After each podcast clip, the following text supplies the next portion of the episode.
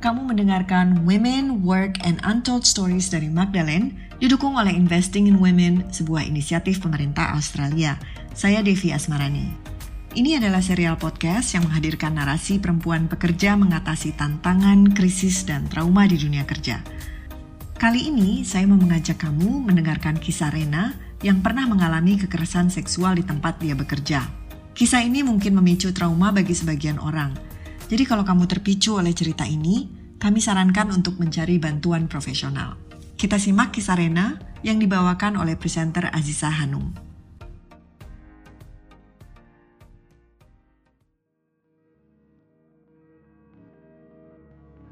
Gue bingung, anjing ini gimana caranya? Gak bisa ngusir gimana caranya? Gimana nih? Gue biarkanlah dia tidur di kasur dan gue memilih untuk tidur di lantai gue kesel banget sebenarnya itu ternyata waktu malam dia matiin lampu kamar gue terus tanpa konsen gue dia dia merkosa gue gitu aja Halo teman-teman, sebut saja nama gue Rena. Saat ini gue bekerja di salah satu media online. Gue pernah mengalami kekerasan seksual di media tempat gue bekerja dulu nggak cuma sekali, tapi berulang kali. Akhirnya teman-teman gue kemudian gue ceritain soal ini dan menyebutnya sebagai eksploitasi seksual. Peristiwa ini terjadi sekitar tahun 2019 dan berlangsung sampai sekitar tahun 2020. Orang mengenal media ini dengan media yang sangat progresif. Uh, selalu menganggap bahwa media ini uh, media yang uh, sangat berperspektif HAM, tapi nyatanya juga uh, di dalamnya ada orang-orang yang melakukan kekerasan seksual. Jadi gue pertamanya itu ngelihat pelaku sebagai orang yang sepertinya bisa dijadiin tempat cerita gitu. Saat itu media tempat gue bekerja tuh lagi ngalamin masalah keuangan lah. Dari situ akhirnya gue sering ngobrol sama dia soal problem-problem kantor. Karena secara struktural posisinya lebih tinggi lah dari gue. Punya power yang cukup, ya cukup besar yang mungkin bisa ngebantu situasi kami saat itu. Dia juga kelihatannya punya kemampuan komunikasi yang bagus sih. Cukup pintar untuk apa ya? Untuk ngelobi gitu. Ngelobi orang-orang yang lebih ada di atasnya lagi.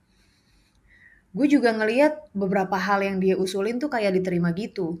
Makanya gue mikir saat itu mungkin dengan cerita sama dia nanti dia bisa ngebantu teman-teman gue supaya selamat lah. Ya nggak ada yang dipecat gitu nggak ada yang telat gaji gitu gitulah kemudian akhirnya dia sering ngajakin untuk cerita-cerita di luar kantor sih. Misalnya kayak ayo Ren kita cerita ngobrol di luar ya sambil makan. Abis ngobrol terus dia ngajakin jalan-jalan kan. Tapi ujungnya gue diajakin ke kosannya dia. Eh Ren ke kosan gue yuk gue pikir kan ya kosan mau ngambil apa kali gitu. Terus ya udahlah. Ternyata nggak gitu malah dia kayak endingnya malah ngomong Ren nginep di sini ya. Gue nih sebetulnya biasa aja gitu nginep di tempat yang cowok-cowok teman-teman gue yang cowok kan banyak. Maksudnya ketika gue nginep di tempat temen yang laki-laki itu tuh ya baik-baik aja. Tapi nih nih orang nih beda gitu uh, dia tiba-tiba meluk aku. Terus dia tiba-tiba nyium aku. Ya aku cuman bisa diem dan jujur waktu itu posisiku aku takut ya. Waktu dia meluk gue itu pun gue udah ngindar gitu gue udah nyingkir gue nggak mau. Tapi dia terus terusan nyium nyium gue ngegerayangin gue dan dan habis itu dia nggak ada minta maaf dia malah bilang jangan ngomong ngomong-ngomong ke siapa-siapa ya. Itu yang beneran keluar dari mulutnya dia lu jangan ngomong ke uh, orang kantor ya. Dia bilang kayak gitu. Ya boro-boro minta maaf. Gue bingung gue cuma diem. Habis itu dia ngajakin makan dan gue coba oh uh, mungkin ini dia cuma ngajakin makan kali ya sambil ngobrol. Ya udahlah gitu makan ngobrol nggak kayak kemarin gitulah. Akhirnya kita pun juga nggak ngebahas kejadian itu sama sekali lewat gitu aja. Sampai suatu hari dia bilang Udah lah Ren, bawa aja tas lo, nanti gue anterin pulang sekalian. gue makin gak nyaman dan oke okay, gue nggak bisa pergi keluar bareng dia dan bawa tas. Gue mesti tinggal tas gue di kantor. Jadi dia nggak akan punya alasan dong buat nganterin gue pulang. Dengan cara itu gue tetap bisa ngobrolin masalah kantor dan kalau diajakin ke kosannya dia jadi gue punya alasan gitu buat nolak. Atau gue bisa bilang gue masih ada kerjaan jadi tas gue tinggal di kantor aja gitu tapi kok dia kayak nggak kehabisan akal? Pernah satu kali dia ngajakin gue makan bukan bukan cuma gue yang diajakin tapi ngajak temen gue juga. Terus habis itu dia nganterin kami pulang. Karena emang gue sama temen gue ini tinggal serumah gitu. Terus dia jadi mampir kan sekalian katanya mau nebeng ke toilet. Ya udahlah. Nah posisi toilet itu tuh ada di kamar gue tapi kok dia nggak keluar keluar dari kamar? Nih kan gue bingung gue tuh paling gak suka ada orang lain yang masuk ke kamar dan berlama-lama di sana. Dan ini orang kok malah jadi kayak ngeliat ngeliat koleksi-koleksi buku di tempat gue terus kayak ngobrol-ngobrol biasa aja gitu kayak wajar gak ada apa-apaan. Ya gue kesel banget kan gue mikir anjir nih orang gak pulang-pulang lagi. Temen serumah gue udah masuk ke kamarnya dong sementara nih orang tuh gak pulang-pulang teman gue ini emang gak tahu apa-apaan sih karena gue juga nggak cerita karena gue takut. Takut aja gitu kayak teman serumah gue nanti bisa keceplosan ke orang-orang lain. Terus dia tiba-tiba tiduran tuh di tempat anjing nih orang gimana dia bisa uh, tiduran di tempatku. Gue juga bingung gimana caranya ngusir teman serumah gue juga nggak bakal bisa ngusir nih orang. Gue biarkanlah dia tidur di kasur dan gue memilih untuk tidur di lantai terus tanpa konsen gue ya dia merkosa gue gitu aja. Gue nggak tahan lagi gue nggak tahan. Akhirnya gue cerita sama teman serumah gue itu dan gue bilang ke dia please please jangan tinggalin gue sendirian. Gue ngehindarin dia nih karena begini begini begini gue ceritain semuanya gue tuh sadar banget dia ini manipulatif beneran. Dia pakai alasan kantor buat ngelakuin kekerasan seksual dan bikin gue takut. Dan gue nyoba segala cara untuk lepas dari dia. Mungkin dia mikirnya kayak oh mau kali ini dia bawa sama gue padahal jelas-jelas dia mestinya tahu gitu gue mencoba untuk menghindar dari pertama kali. Gue benci gue benci setengah mati sama dia. Jadi apa yang dia lakuin ke gue kurang lebih selama setahun dan itu terjadi berulang kali. Gak ada, gak ada hal positif lagi tentang dia di pikiran gue. Kasus itu bukan alasan satu-satunya, tapi itu adalah salah satu alasan kenapa aku memutuskan untuk uh, resign dari kantor itu. Sampai akhirnya gue resign dari sana pun ternyata dia belum berhenti jadi di kantor tuh kan gue punya partner. Nah partner gue ini tuh bawahan langsung si pelaku ini secara struktural gitu. Terus suatu saat si pelaku ini bilang ke gue, Ren, gue mau ngomongin deh soal partner lo. Ya gue jawab kan, apaan? Terus dia malah nanya-nanya lah soal partner gue gimana orangnya dan dia cerita soal uh, masalah si partner gue ini. Gue dilema banget karena di sisi lain dia nyeritain uh, masalah partner gue uh, di kantor versi dia dan uh, gue kayak takut gitu loh anjing ini dia beneran bawahan langsung yang dipegang langsung yang kayak nasibnya dia itu ada di tangan di tangan nasib partner gue tuh ada di tangannya pelaku. Gue kayak anjing ini gue harus gimana?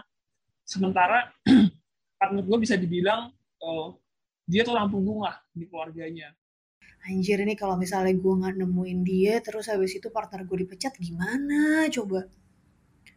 Akhirnya karena pikiran-pikiran gue itu gue iyain lah untuk ngobrol soal masalah partner gue ini asal nggak di ruang privat gitu. Tapi dengan segala macam cara akhirnya gue dibawa lagi ke tempat tinggalnya. Gue nggak tahu itu di mana yang jelas di sana tuh susah banget sinyal. Bahkan untuk WhatsApp pun gue nggak bisa. Lagi-lagi gue ngerasa ada di bawah tekanan gue takut, gue bingung, dan di situ dia perkosa gue lagi.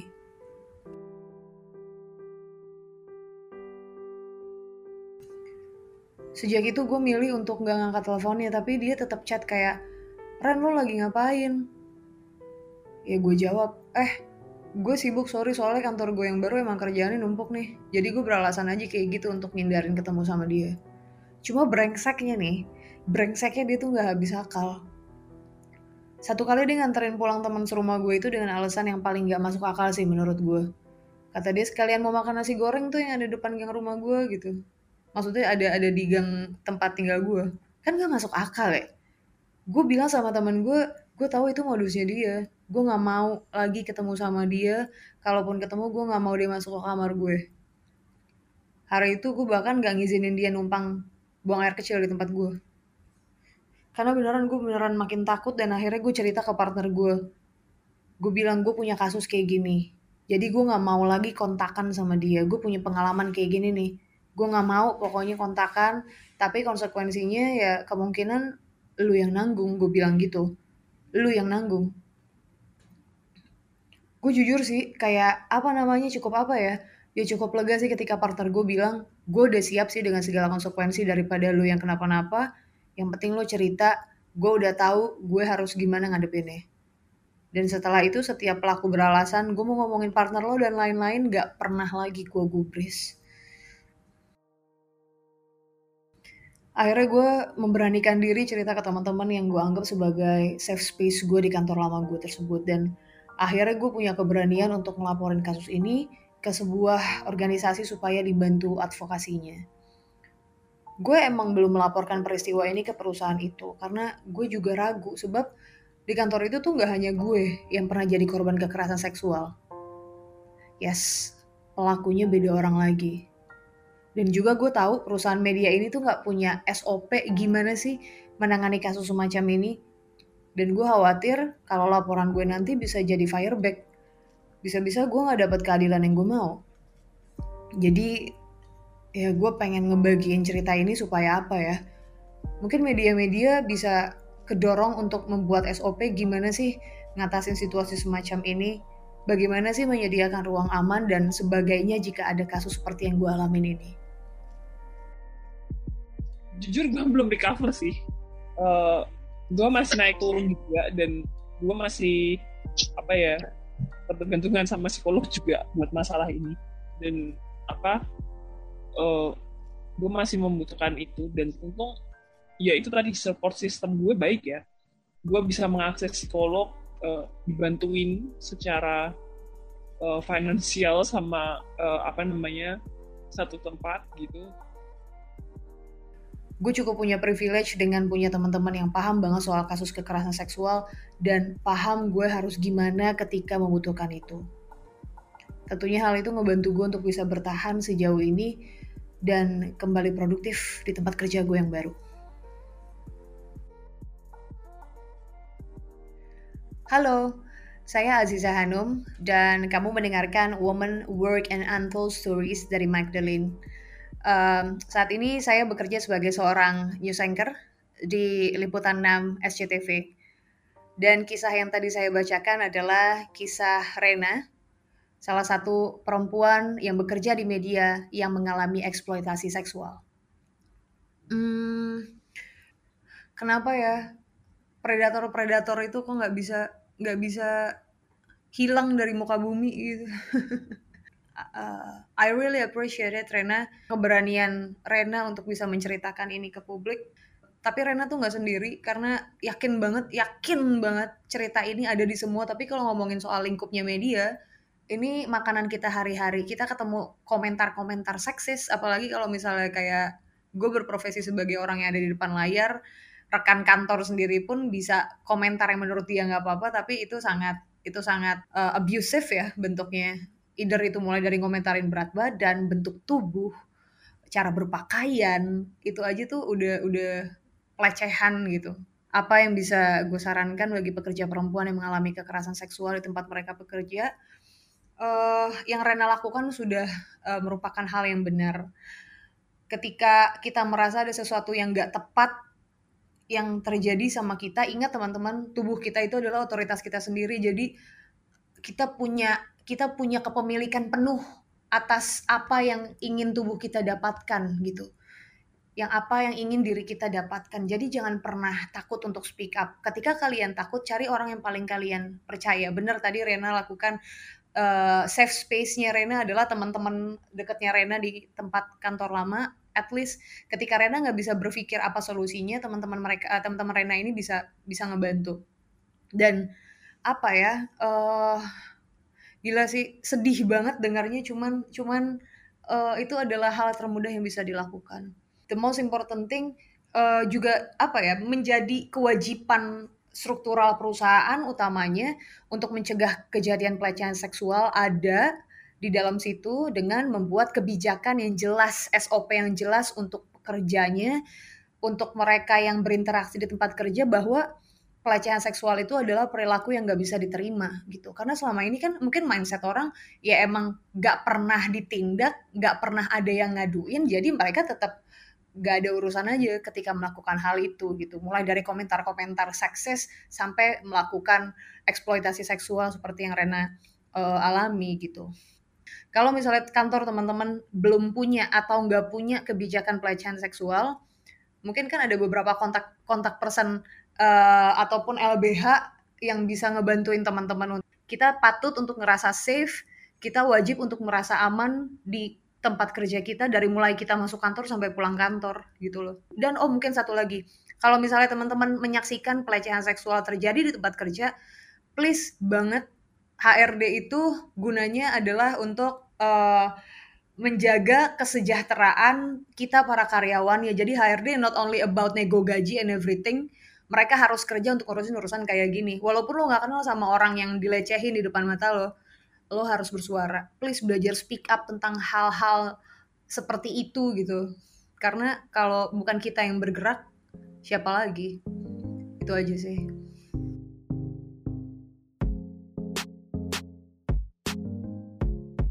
Kamu baru saja mendengar kisah Rena yang dibawakan oleh presenter Aziza Hanum. Kalau kamu terpicu oleh cerita ini, kami sarankan untuk mencari bantuan profesional. Maria Puspita, psikolog di Yayasan Pulih memberi tanggapan atas cerita Rena. Yuk kita simak. Untuk kerja yang mengalami kekerasan seksual biasanya muncul reaksi-reaksi seperti takut, bingung, merasa tidak berdaya, sedih, atau timbul gejala-gejala fisik, dan itu sebenarnya merupakan reaksi yang wajar terhadap peristiwa yang tidak wajar. Dan untuk uh, pekerja yang mengalami kekerasan, uh, pertama perlu untuk bisa memastikan keselamatan, apalagi bila pelakunya itu berada e, bekerja juga di tempat yang sama. Yang bisa dilakukan adalah membuat safety plan. Apa saja yang bisa dilakukan ketika misalnya ada kondisi-kondisi yang mengancam. Lalu kira-kira kontak-kontak seperti apa yang bisa e, diakses untuk bisa e, melindungi atau minta tolong uh, ketika ada ancaman-ancaman yang terjadi. Lalu ketika peristiwa sudah terjadi, usahakan untuk mencatat peristiwanya, baik itu tanggal, waktu, tempat, atau tindakan uh, yang dilakukan, dokumentasi misalnya uh, chat-chatnya, gambar-gambar yang ada, atau bila terjadi kekerasan secara fisik, eh, kekerasan seksual secara fisik seperti pemerkosaan, ada baiknya untuk menunda dulu keinginan untuk membersihkan diri karena di situ ada bukti-bukti yang masih menempel di tubuh yang bisa membantu untuk menjerat pelakunya. Lalu bisa juga untuk lapor polisi untuk memperoleh surat permohonan visum atau langsung ke puskesmas atau rumah sakit untuk memeriksakan kondisi medis dan mendapatkan KB darurat dan untuk pencegahan IMS. Selain itu, eh, di dalam eh, kantor juga perlu untuk melihat aturan perusahaan mengenai perlindungan terhadap kekerasannya. Bila sudah ada aturan atau alur untuk pengaduan, penyintas bisa membuat laporan atau pengaduan melalui alur tersebut. Namun bila belum ada, bisa melakukan pengaduan kepada atasan. Di sini ketika pelakunya adalah atasan langsung, ini bisa dilakukan uh, pelaporan kepada atasan yang lebih tinggi atau atasan uh, lainnya gitu. Lalu usahakan untuk ketika melapor bila memang merasa kurang uh, aman atau butuh pendampingan bisa meminta rekan-rekan uh, yang di, dipercayai untuk membuat pengaduan tersebut. Lalu usahakan juga untuk ada eh, pelaporan secara tertulis gitu. Jadi bisa laporan itu bisa ditulis melalui surat atau melalui email atau kalau misalnya laporan yang dilakukan secara langsung setelah itu coba untuk dibuat catatan pembicaraan dan dikonfirmasi melalui email. Selain itu, bila memang kondisinya butuh penanganan lebih uh, lebih lanjut, bisa juga untuk uh, melaporkan atau meminta bantuan kepada lembaga bantuan hukum atau mencari pendamping korban. Dan di sini memang support uh, lingkungan, support dari orang-orang terdekat sangat bisa membantu untuk proses pemulihan uh, penyintas sendiri. Kalau memang diperlukan bisa juga untuk meminta bantuan psikologis untuk mengatasi dampak-dampak dari kekerasan yang dialami. Lalu untuk penanganan kasus kekerasan seksual juga sebenarnya memang perlu untuk penanganan yang komprehensif dan melibatkan banyak pihak. Karena memang e, biasanya ada kekerasan secara fisiknya juga, seksual secara fisik, itu melibatkan kondisi fisik, medis, e, lalu ada psikologis, sosial, dan hukum. Dan di sini peran perusahaan adalah untuk menciptakan tempat yang aman, tempat yang nyaman untuk bekerja dengan memastikan perlindungan kepada seluruh karyawannya dan penyintas ketika mengalami kekerasan seksual. Perusahaan untuk bisa melakukan penanganan tersebut juga perlu untuk memiliki pemahaman terhadap kekerasan. Bentuk-bentuk kekerasan seperti apa? Biasanya kalau di dalam kondisi kekerasan di tempat kerja itu ada yang khas bahwa ada yang namanya kekerasan itu terjadi karena kekerasan itu sebagai imbalan bisa jadi sebagai imbalan terhadap misalnya keputusan-keputusan kerja atau hal-hal yang berkaitan dengan kerja. Di sini juga perlu untuk melihat, memahami ada namanya kesetaraan gender bahwa memang pandangan-pandangan bahwa perempuan dianggap lebih lemah, yang lebih diskriminatif dan tidak mendapatkan kesempatan yang sama itu juga bisa menjadi membuat perempuan menjadi pihak yang lebih rentan terhadap kekerasan. Selain itu pemahaman mengenai relasi kuasa di mana pelaku berada di posisi yang lebih tinggi sehingga menggunakan kondisi tersebut untuk menguasai individu yang lemah itu juga perlu untuk dipahami dalam membuat aturan-aturan yang berlaku sehingga pemahaman mengenai bentuk-bentuk kekerasan hal-hal yang menjadi eh, hal-hal yang membuat kekerasan itu terjadi bisa dicegah oleh perusahaan. Eh, setelah aturan ada eh, lalu juga perlu untuk bisa menindak tindakan tindakan-tindakan kekerasan yang terjadi melakukan tindakan disiplin pada pelaku. Selain itu juga perlu ada instruksi untuk atasan ataupun pemimpin perusahaan untuk menindak tindakan-tindakan kekerasan yang terjadi. Dan di sini juga peran pemimpin dan atasan juga uh, adalah untuk memberikan contoh dan teladan uh, untuk tidak melakukan kekerasan seksual terhadap uh, rekan kerja maupun uh, karyawan-karyawannya. Lalu ketika melihat adanya tindakan kekerasan, itu juga dia sebagai pimpinan atau atasan juga menegakkan aturan yang sudah berlaku. Dan ketika melakukan penanganan terhadap aduan kekerasan, juga perlu untuk memastikan keamanan dan kerahasiaan dari penyintas.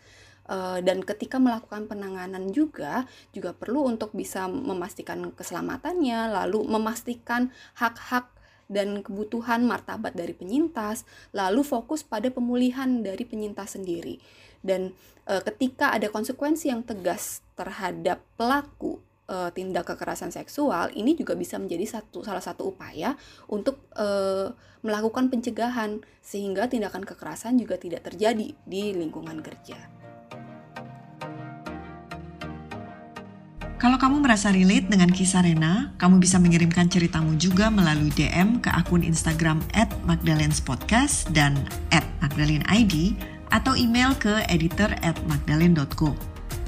Sampai di sini dulu, Women, Work, and Untold Stories produksi Magdalene didukung oleh Investing in Women, sebuah inisiatif pemerintah Australia. Saya Devi Asmarani beserta Joan dan Elma Adisha. Sampai jumpa minggu depan.